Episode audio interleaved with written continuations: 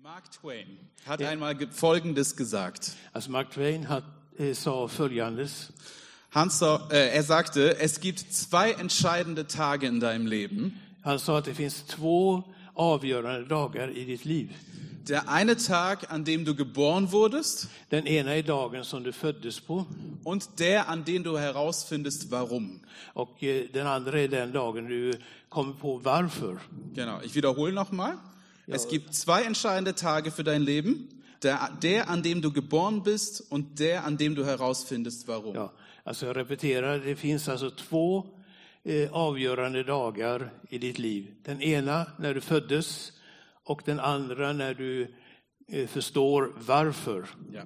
Ich finde, das ist ein sehr inspirierender Satz. Ja, jag tycker att det här är en väldigt inspirerande mening Und er beschäftigt mich eigentlich immer wieder, och den eh, sysselsätter mig gång på gång.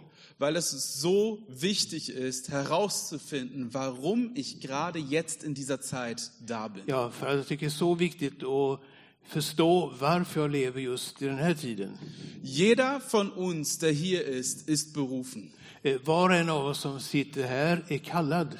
Jeder von uns mit seiner Persönlichkeit, wie er erschaffen worden ist, Alltså var och en av oss med sin personlighet så som han blir skapad ist zu etwas in Gottes Reich berufen worden. eh, är kallad till något i Guds rike. Und es gibt diesen einen Grund, warum es dich jetzt gerade gibt. Och det finns alltså, det är just det här som är orsaken till varför du finns just nu. Genau jetzt in dieser Zeit. Exakt nu i den här tiden. Das ist kein Zufall, Det är ingen tillfällighet, sondern das ist absolut im Plan Gottes. utan det ligger helt i Guds plan. Nur haben wir Menschen manchmal den Hang dazu, Berufung gleichzusetzen mit Leistung. Ja, alltså vi... vi nu ska jag se. Eh, Alltså vi är ju så att vi ofta har den där eh, känslan av att kallelse, det är lika, sätta lika med att eh, måste jag göra något. Genau. Mit Leistung, die wir erbringen. Es geht weniger um das, wer ich bin, Det handlar mindre om det, vem jag är, als vielmehr um das, was ich tue. utan det handlar ännu mer om det som jag gör. Und das ist ein Problem. Och det är ett problem. Ich habe wirklich Jahre meines Lebens Jag har verkligen behövt år i mitt liv und teilweise immer noch och delvis fortfarande mich mehr über Arbeit definiert, Alltså att bli mer definierad av mitt arbete als der, der ich in Gottes Augen bin. i- istället för det som är i Guds ögon. Und ich glaube, es ist total wichtig, Och jag tror att det är väldigt viktigt dass wir Folgendes verstehen. att vi förstår följande. Wer du bist, Vem du är, eh, entscheidet über das, was du tust. det avgör det som du gör. Es beginnt mit einer simplen Frage. Det börjar med en enkel fråga. Und die Antwort ist mal für manche von uns manchmal nicht so simpel. So. Ja, sant. Die Antwort dafür ist für manche von uns nicht so simpel. Ja, alltså, ja, men vårt svar på detta är oftast inte lika enkelt. Die ganz einfache Frage, Den enkla frågan, wer bist du? vem är du? Wer bist du? Vem är du? Es beginnt bei der Frage der Identität, Det börjar med frågan om identiteten, die wir in Christus haben. den som vi har i Kristus. In Johannes 1, Vers 12 steht Folgendes, Så Johannes 1, vers 12 står det. und das könnt ihr auf Schwedisch sofort hören. Ja, och det kan ni på svenska omgående. Jag tänker ändå läsa det innantill så blir det rätt. Jag ska läsa på Eh, tyska. ja, 1 och 12. Åt alla dem som tog emot honom gav han rätt att bli Guds barn åt dem som tror på hans namn. Hier steht, dass wir das Recht haben, seine Kinder zu sein, Här står det att vi har rättigheten att vara hans barn wenn wir an ihn glauben. när vi tror på honom. Wenn du an Jesus glaubst, När, du- om du tror på Jesus, dann bist du sein Kind. då är du hans barn. Das ist deine oberste Identität. Det är den översta identiteten. Das ist das, was dich ausmacht. Det är det som verkligen avgör. Hier steht nicht, dass wenn du Gott gehörst, Här står det inte att om du tillhör Gud, dann bist du nur sein Arbeiter, då är du bara hans arbetare, sondern du bist sein Kind. utan du är hans barn. Und ich glaube, manchmal Och jag tror ibland fällt es uns total schwer, das zu verstehen. att det är väldigt svårt för oss att förstå det här. Und ich glaube aber, dass es so eine Grundlage für unser Leben ist. Men jag tror att det är en så viktig grundförutsättning för vårt liv. Wir sind Kinder Gottes. Eh, Vi är Guds barn. Und wenn wir da auf unser Leben manchmal schauen, Och när vi tittar på vårt liv, dann sehen wir, dass es manchmal in all unserer Arbeit, då ser vi allt vårt arbete, dass es in den Hintergrund rückt. att det finns någonting i bakgrunden. Und es geht darum, was mache ich in der Och Gemeinde? det är mer det här, vad gör jag i församlingen? Was mache ich zu Hause? Vad gör jag hemma? Wie viel bete ich? Hur mycket ber Wie jag? viel Bibel lese Hur ich? mycket bibel Und es läser jag? geht nicht darum, wer bin ich? Och det handlar alltså inte då om, vem är jag? Und das ist so wichtig, weil du wirst anders beten, Eh, Men det är så viktigt för att du ber annorlunda. du wirst deine Bibel anders lesen, Du kommer att läsa en bibel på ett annat sätt. du wirst anders in deinem Gemeindedienst sein, Eh, Du kommer att vara annorlunda i din wenn du församlingstjänst. verstehst, dass du sein Kind bist. eh, Om du förstår att du är Guds barn. Wir machen das nicht mit Absicht. Vi gör det inte med avsikt, Es passiert einfach. utan det bara händer. Wisst ihr, das, das, äh, Jesus im Fokus zu haben, Att ha Jesus i fokus, das ist kein, kein Alleingang, das ist kein Selbstläufer, det är ingenting som löper av sig själv. sondern das ist etwas, wo wir sagen, okay, ich will nah an dir sein, Utan det Jesus, är någonting där jag säger, jag vill vara nära dig und Jesus verstehen, wie du mich siehst. och förstå hur du ser mig. Und du siehst mich als dein Kind. Och du ser mig att, eh, att, eh, som ditt barn. Ich glaube, dass das, was wir hier lesen im Johannesbrief, Jag tror att det som vi läser här i Johannes, ist immens wichtig. att det är väldigt, väldigt Es viktigt. gibt keine höhere Berufung in deinem Det Leben, finns ingen högre kallelse i ditt liv als dass wir seine Kinder utan att genannt werden. veta att vi är hans barn. Nichts kommt daran, Inget annat kommer als, als dass ich Gott mein Vater nennen darf utan att jag får näm- kalla Gud för min far und ihm mein Leben geben darf. och få ge honom mitt liv. Nichts kommt daran, dass, mit, dass ich mit ihm reden darf Eh, ingen kommer alltså närmare än att jag får tala med honom und dass ich von ihm geliebt bin. och att jag är älskad av honom. Und nicht nur geliebt, weil ich etwas för ihn tue, Eh, Och inte bara älskad för att jag gör någonting för honom, sondern einfach nur, weil ich bin. utan bara för att jag är. Das ist die Grundlage deiner Berufung. Eh, Det är det grundläggande i din kallelse. Und, und, och nicht nur deiner Berufung, sondern vielmehr über dein Leben. Och inte bara kallelsen, utan ännu mer över ditt liv. Gott, der Erschaffer von Himmel und Erde, nennt sich dein, sein Kind. Alltså Gud som är skaparen av himmel och jord kallar dig för sitt barn. Äh, Jetzt müssen wir uns mal vorstellen. Eh, Försöka att föreställa sig detta. Gott, der hier oben ist, Gud som är där uppe, der, der alles gemacht hat, som har gjort allt, fokussiert sich auf dich eh, riktar fokuset på dig. und sagt, du bist mein Kind. Du är mitt barn. Viele Leute haben mir letztes Jahr gesagt, Eh, Många människor sa under förra året, ähm, sowohl Leute, die mich gekannt haben alltså människor som jag känner, und Leute, die mich nicht gekannt Och även haben, de som inte känner mig. die hatten teilweise Prophetien für mein Leben. Eh, det ha- De hade delvis eh, profetiska budskap över mitt liv. Und sie haben mir immer wieder Folgendes gesagt. Och de sa gång på gång följande. Deine Kraft ist in Jesus. Din kraft är Jesus. Einfach nur bei ihm zu sein. Eh, Att vara med honom. Und dann kommt die Kraft, die ich brauche för das, was ich tue. Ja, Och då kommer kraften för det som jag gör. Das hat meine Frau mir gesagt. Min fru har sagt det. Und das hat sie gut gesagt. du hast- und Und du hast noch gesagt, viele Frau? andere.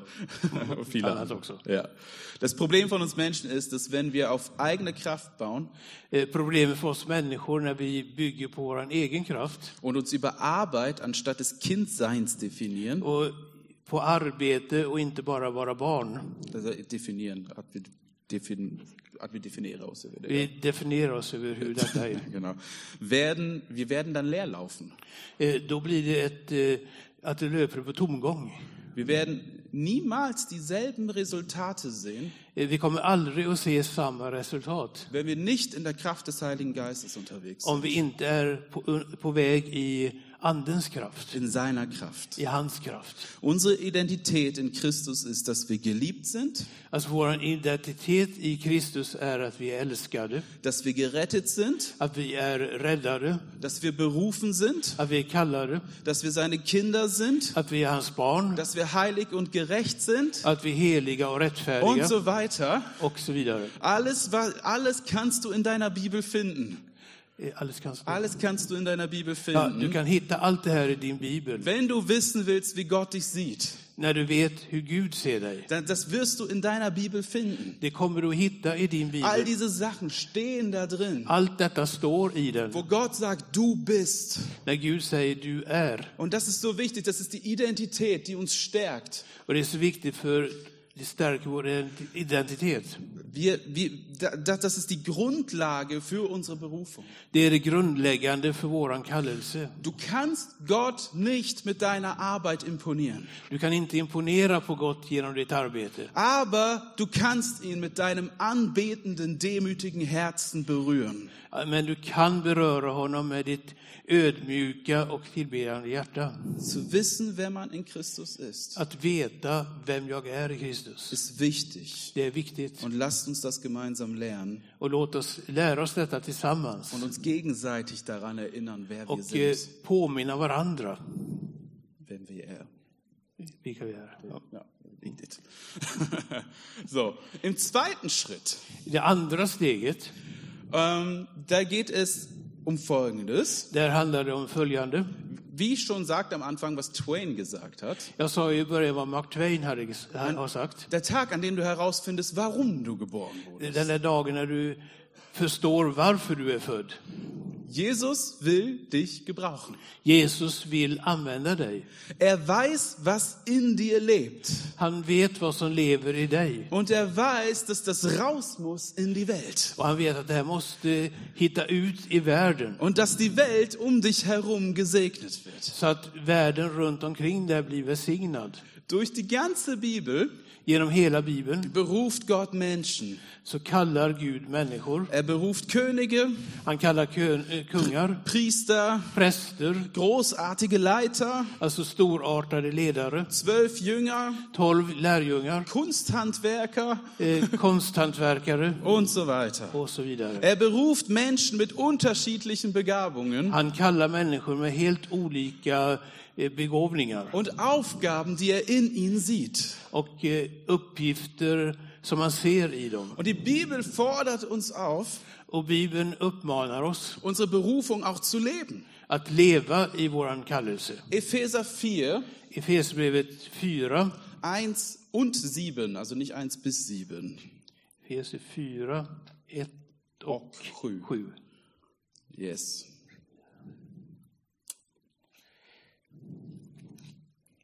Alltså vers, eh, vers 1. Mhm. Jag uppmanar er därför, jag som är en fånge i Herren, att leva värdigt den kallelsen jag fått. Och vers 7.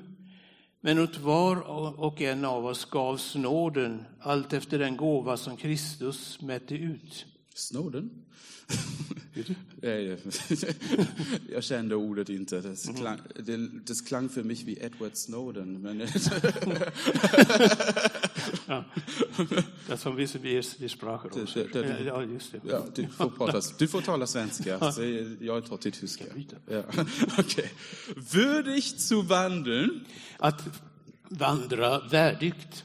bedeutet, sein Leben dafür einzusetzen, Det betyder att eh, sätta in sitt liv för das zu leben, was Jesus von uns att möchte. leva det som Jesus vill från oss. Jedem Einzelnen, Var och en, steht hier in Vers 7, det stod i vers 7, äh, jeder Einzelne von uns hat Gaben bekommen, att var och en av oss har fått gåvor die wir einsetzen dürfen. som vi sätter in. Das heißt, zum einen wandeln wir würdig in unserer Berufung, Det betyder att vandrar vi värdigt i våran kallelse, dann benutzen wir die Gaben, die Gott uns gegeben hat. så använder vi oss av gåvorna som Gud har gett oss. Und das, d- darin wollen wir vorangehen. Och i detta vill vi gå vidare. Und es hat einen Grund, warum ich vorher mit der Identität angefangen habe, Och det finns en orsak varför jag började med identiteten. weil das unsere Motive klärt. För att det förklarar våra motiv. Weil, wenn unsere Motive darauf ausgerichtet sind, Jesus damit groß zu machen, Eh, När våra motiv är inriktade på att göra Jesus stor, dann wird unser Dienst effektiv sein. då kommer vår tjänst att bli effektiv. Aber wenn es uns nur um uns geht, Men handlar det bara om oss själva, dann werden wir vieles kaputt machen. då kommer vi göra mycket trasigt. Und das Interessante ist, hier steht ja nun, ich ermahne euch nun. Also, es gibt andere Übersetzungen im Deutschen, die sagen alle. Eh, Ich ermahne euch. Ja, alltså jag uppmanar er. Und in, es gibt andere Übersetzungen, die sagen euch alle. Och i andra översättningar så står det er alla. So, jeder Einzelne, der berufen ist. Alltså var och en som är kallad. Das meint auch, Det betyder också dass du damit gemeint bist. att du är menad, Dass dein Leben damit gemeint ist. att ditt liv är menat med detta. Viel zu oft höre ich von Christen, Eh, Allt för ofta hör jag från kristna dass sie nicht wissen, att de inte vet was Gott von ihnen will. vad Gud vill utav dem. Dass sie nicht wissen, Att de inte vet was för Gaben sie haben. vilka gåvor de har.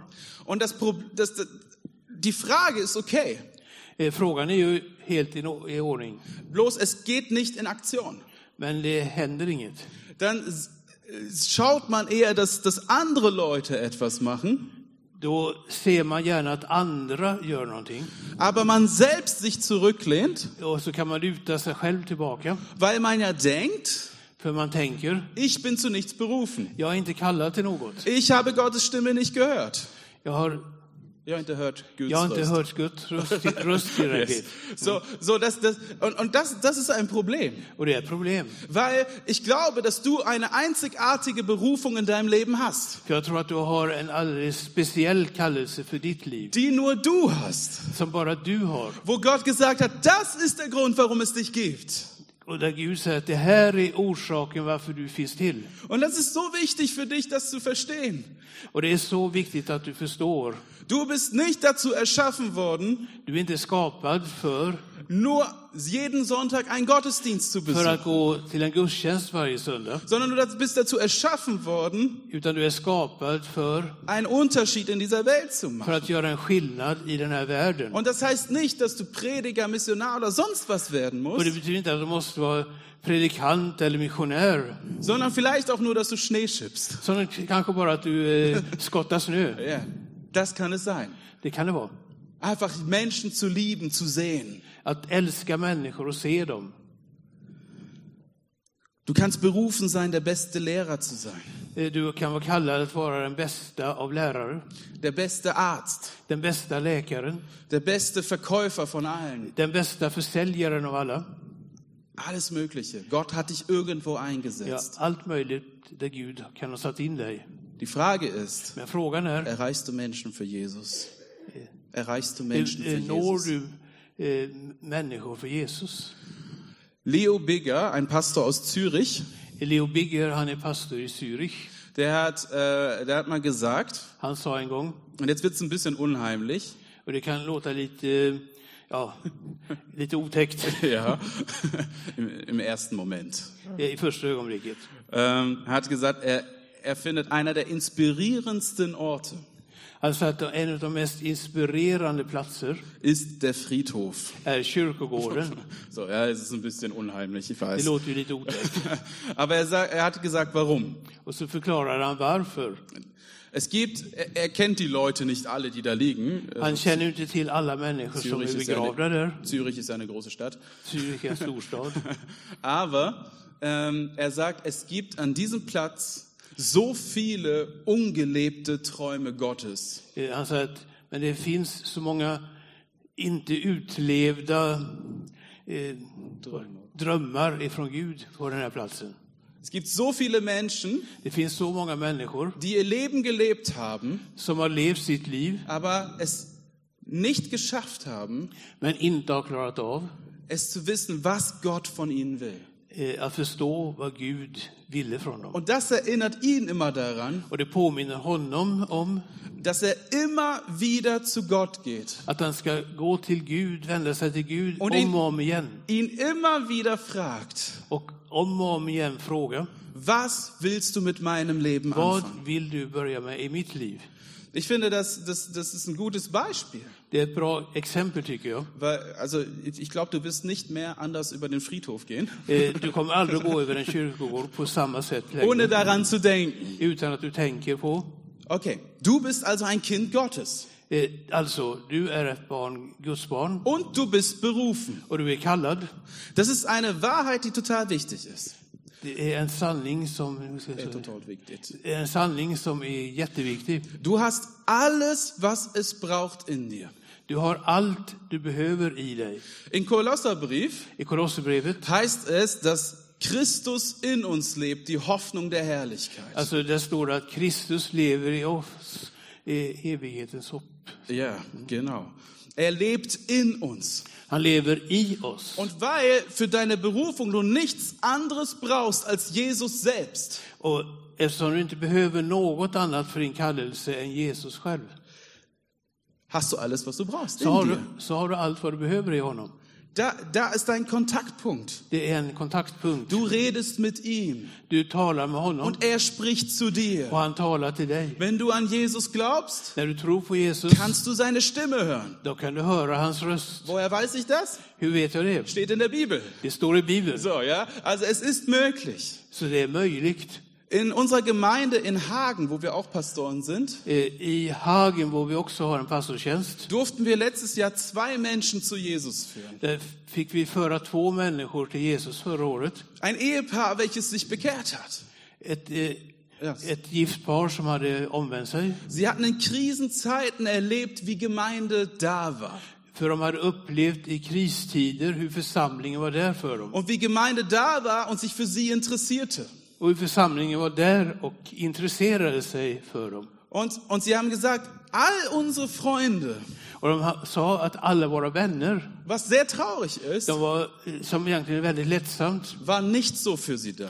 fanns inte till för dem på samma sätt. Das Ding ist hier, dass die Gemeinde ihre Berufung wahrgenommen hat Utan det är viktigt att församlingen lever ut sin kallelse und, och diese Not sieht och ser nöden und da ist, wenn jemand Hilfe braucht. och finns där när någon behöver hjälp. Das heißt, wir, wir, wir haben gesehen, okay, dazu sind wir berufen för Menschen. Så vi har sett att därför är vi kallade för Wir människorna. beten dafür, dass Menschen sich bekehren. Vi ber att människor ska omvända sig. Und ich weiß, dass hier dafür gebetet wird, dass Menschen sich bekehren.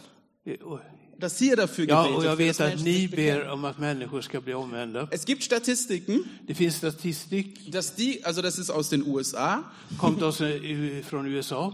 die haben verschiedene Gemeinden untersucht, die wachsen, Eh, De hade kollat upp eh, olika församlingar som växer und haben gesagt, okay, jeder dieser Gemeinde hat einen Punkt gemeinsam. Och varje, utav, var och en av de här församlingarna har en gemensam punkt. Nämlich, dass sie dafür beten, Att de ber dass Menschen gerettet att werden. människor ska bli Und frälsta. das immer wieder. Och det gör de gång på gång. Total faszinierend för mich. Det är fascinerande för mig. Und ich, ich liebe es, wenn ich unsere zwei Neubekehrten im Gottesdienst sehe. Und Nathalie liebt es auch. Wir lieben es, wenn wir sie im Gottesdienst sehen. Vi älskar när vi ser dem i gudstjänsterna. Und sie mit erhobenen Händen im Lobpreis Och de stehen. står där och höjer sina händer i lovsång. Das ist aber nur möglich, Men det är bara möjligt. wenn wir unsere Berufung leben. Det är bara möjligt när vi lever i våran kallelse. Jeder einzelne von uns. Eh, Var och en av oss. Mutala braucht diese Gemeinde.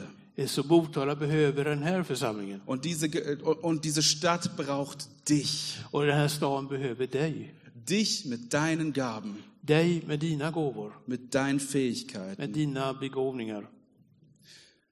Wir haben nun verstanden, dass wir berufen sind Nu har vi förstått, vi är kallade und dass wir berufen sind, auch seine Kinder zu heißen. och att vi är kallade att vara hans barn. Das ist die höchste Berufung. Det är den högsta kallelsen. Dann haben wir verstanden, dass wir eine individuelle Berufung haben. Och vi har förstått att vi har en individuell kallelse. Finde heraus, was sie ist.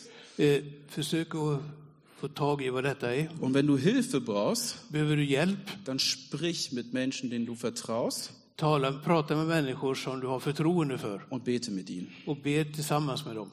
Und dann haben wir aber auch von Jesus ja diese Berufung bekommen, Och så har vi ju fått den här kallelsen från Jesus als gesamte Gemeinde att eh, som gemens, hela församling, weltweit, eh, världsvitt, und das gilt för uns alle, och det gäller oss alla, nämlich, dass wir Menschen zu Jesus führen, dass wir sie zu Jünger machen. att vi gör människor till lärjungar. Jesus erzählt ein Gleichnis in der Bibel, Jesus använder en liknelse i Bibeln wo es um einen, jetzt ist äh, wichtig, weil jetzt ist ein Wort, was zwei Bedeutungen hat in Deutsch, hör gut Mhm. zu. Jesus erzählt ein Gleichnis in der Bibel, wo es um einen Sämann geht, nicht Ja. Seemann. Eh, Jesus har, eh, använder en liknelse där han talar om en såningsman. Perfekt. In, in Deutsch muss man, also in Deutsch ist es so, dass wenn ich nur Seemann sage, Ja, alltså på tyska när man säger, se, eh, säger man, alltså såningsman som står här i texten. dann kann man auch verstehen, ein Seemann, ein Ah, Matrose also Ja, alltså oder det, so. ordet är så lika så man kan missförstå och tro att det handlar om en sjöman. Ja, genau. So deswegen. Därför betonar jag ordet. So mir ist mir ist etwas aufgefallen, als ich diese, diese dieses Gleichnis gelesen habe. En sak som jag har lagt märke till i den här liknelsen. Ähm, wir beschäftigen uns sehr viel mit den Resultaten. Vi sysselsätter oss väldigt mycket med resultaten.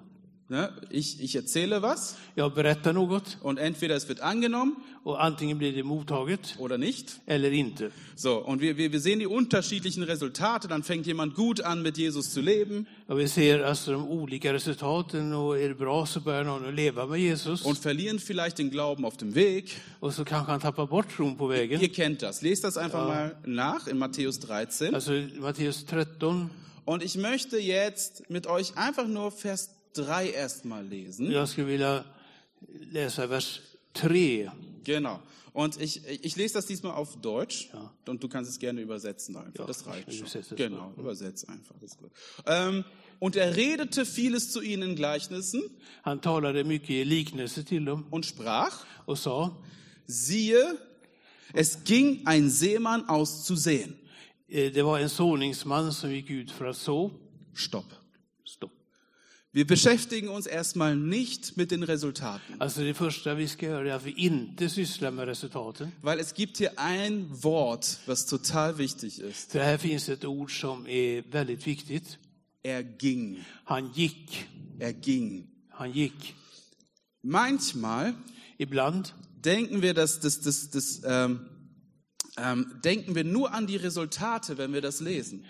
Tänker vi bara på de här olika resultaten när vi läser det. Und wenn, wenn du jemandem was von Jesus erzählst, Och när du berättar om Jesus för någon denkst du vielleicht auch manchmal an das så Resultat. tänker du kanske på det kommande resultatet. Oder manchmal Och ibland erzählst du erst gar nichts, så säger du inget alls weil du an das Resultat denkst. för att du tänker på resultatet. Der will das sowieso nicht hören. Han vill hur som helst inte höra om Der detta. hat kein Interesse am Glauben. Han har inte något intresse om tro. Und das sind alles Resultate, die wir abrufen. Och det finns ju bara en massa resultat som vi eh, sysslar med då. Und deswegen gehen wir gar nicht. Och så går vi inte.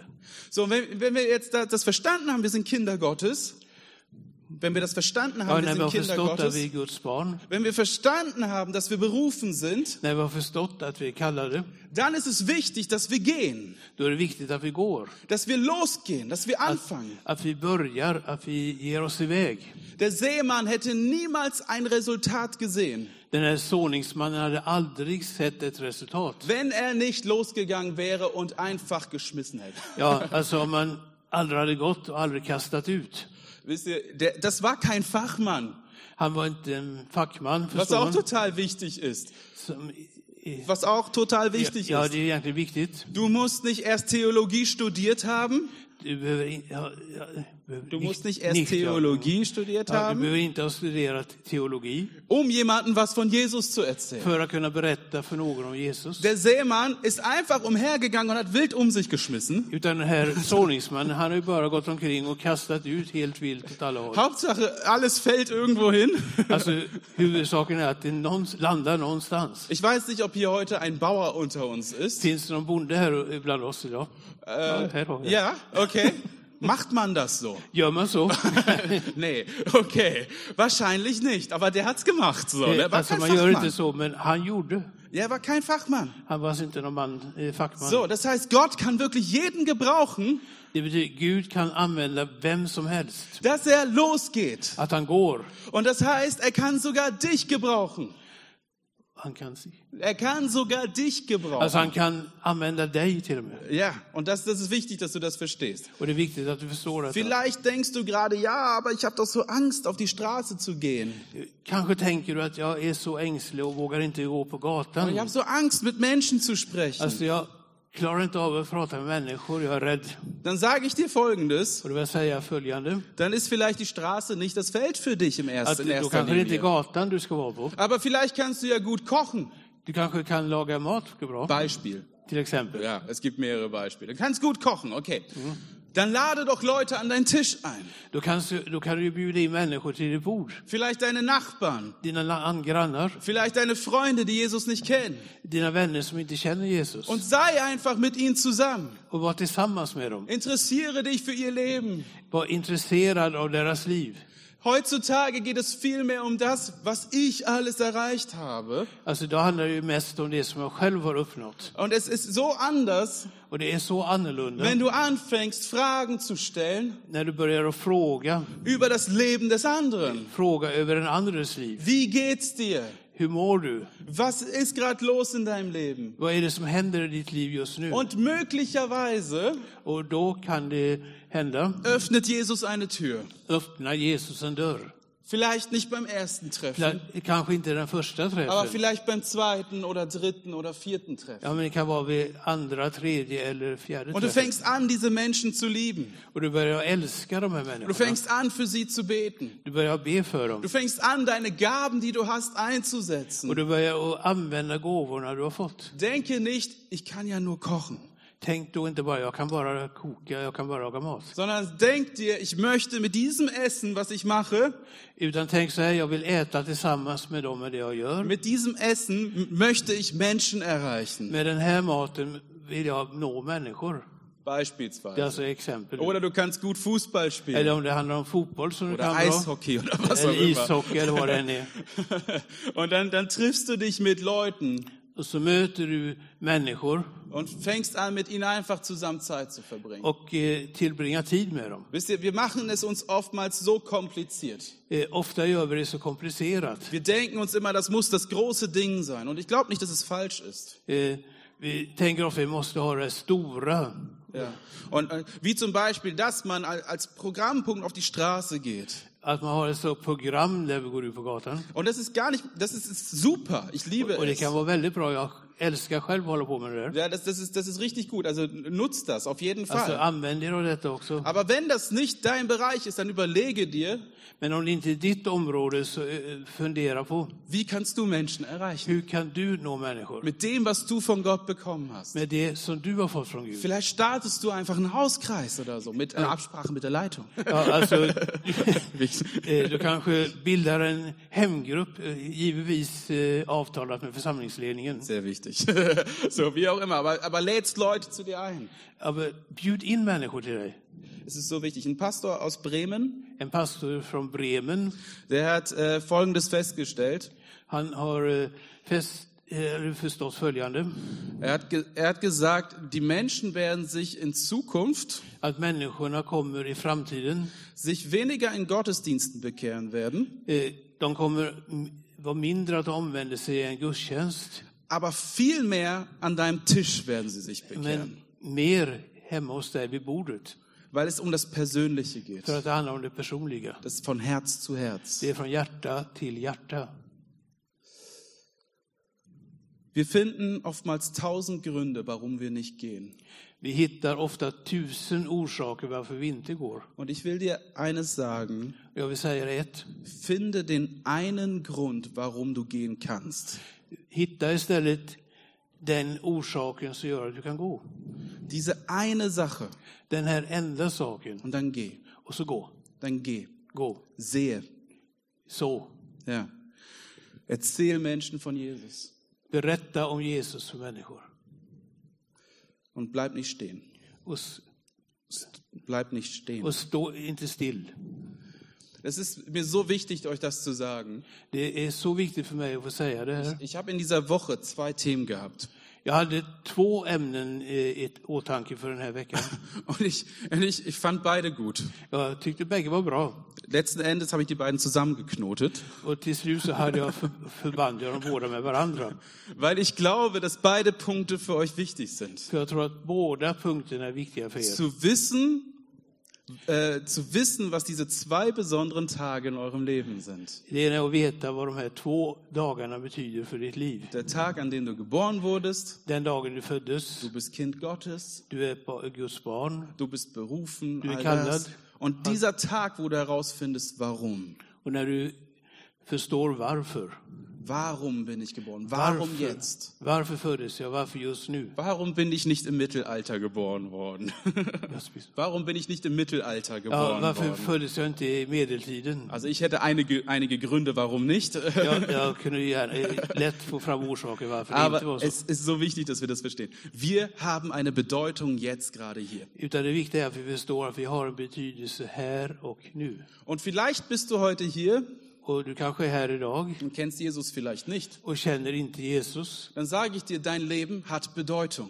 Då vill jag säga till dig, ditt liv har betydelse. Es geht nicht darum, dass du einfach nur dein Leben lebst und irgendwann mal tot umfällst, Eh, Det handlar inte bara det om att du lever ett liv nu och en dag så dör du. sondern dein Leben hat eine Bedeutung för Gott, der Himmel und Erde Utan erschaffen ditt hat. liv har en betydelse för Gud som har skapat himmel och jord. Ich weiß nicht, ob das jemanden hier betrifft. Jag vet inte om det är någon här som känner, känner sig träffad. Aber ich sagte, ich, ich glaube, wir Christen müssen das auch manchmal hören. Men jag tror även de kristna behöver höra det. Ich würde jetzt gerne, dass wir zusammen aufstehen Jag skulle önska att vi just nu står upp und ich möchte gerne för euch beten. och så vill jag be för er. Und äh, ich weiß, ich, ich habe mir das gemerkt, im Nachhinein, nach, dem, nach der Predigt, Och jag har märkt efter den predikan, dann gibt es hier Gebet.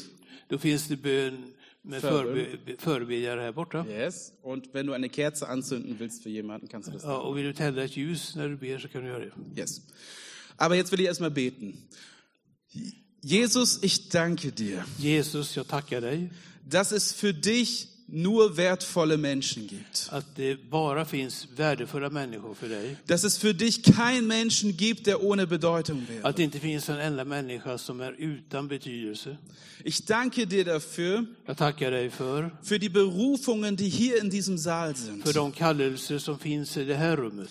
Ich möchte beten, Jesus, Jag vill be Jesus dass wir nicht die tausend Gründe, warum wir nicht gehen sehen, att inte de här tusen orsakerna varför vi inte går, sondern den einen Grund sehen, warum wir utan att vi gehen. istället ser en enda orsak varför vi ska gå. Ich möchte beten, dass du neu Kreativität entstehen Och jag lässt, vill be att det blir en ny kreativitet också. dass, dass, dass, dass wir unsere Gaben, die wir bekommen haben, Att gåvorna som vi har fått, dass wir sie einsetzen, att vi sätter in dem. dass wir würdig unserer Berufung wandeln, Att vi lever värdigt vår kallelse, in dem Wissen, dass wir deine Kinder sind. i det att vi vet att vi är dina barn. Und Jesus, ich möchte jetzt dafür beten, Och Jesus, jag vill be just nu för dass jetzt gerade Berufungen im Herzen groß werden. att eh, kallelser blir stora i hjärtat. Ich möchte beten, dass du jetzt sprichst, Jag vill be att du talar just nu, dass du jetzt in Herzen hineinredest, att du talar rätt in i hjärtan, dass du zeigst, wofür wir berufen att du sind. visar varför vi är kallade. Jesus, ich danke dir för Heilungsgabe in diesem Raum. Jag tackar dig för helande gåvor i det här rummet. Ich danke dir für prophetische Gabe in Jag tackar diesem dig för Raum. profetiska Jesus, gåvor lass här. es aufstehen. Och Jesus, låt det här stå upp. Heiliger Geist, ich bete, Helig Ande, jag ber, sprich du neu in unser Leben. tala helt nytt in i våra liv. Zünde uns neu an. Eh, Tänd oss på nytt. Wir wollen mehr von dir, Jesus. Vi vill ha mer av dig, Jesus. Ich glaube, du, hier ist eine Person, Eh, ich- Jag känner att det här finns en person. Du sagst, okay, das ist alles irgendwie viel zu schön. Das ist alles, hört sich alles viel zu schön Ja, du an. säger att det här det hör, låter alldeles für bra. Und ich bin, ich bin doch schon so lange dabei, Och jag har varit med så länge ähm, dass ich es eigentlich, ich, ich weiß, dass Gott mich nicht gebrauchen kann. att jag vet att Gud inte behöver mig. Und du hast diese Predigt gehört Och så har du hört predikan. Und du hast gesagt, ja, Ja, så, har mag du sa, sein, så har jag sagt, ja det kanske kan vara så, aber nicht für mich. men det gäller inte mig. Und ich glaube, dass Gott dich heute daran erinnern will, Men jag tror att Gud vill påminna dig idag dass das eine Lüge in deinem Leben att ist. det är en lögn i ditt liv. Dass das eine, eine, eine viel zu große Lüge ist. in deinem Att det är en, en lögn som är hel, är mycket, mycket för stor. Leben. Er möchte dich gebrauchen. Han vill använda dig. Und wenn du wirklich Probleme damit hast, Och har du problem med detta, suche dir Menschen, mit denen du daran arbeitest. eh, sök dig till människor som du kan arbeta med detta Bleib da, tillsammans. bleib da nicht stehen. Så bli, eh, bli inte stående där du är. Amen. Amen.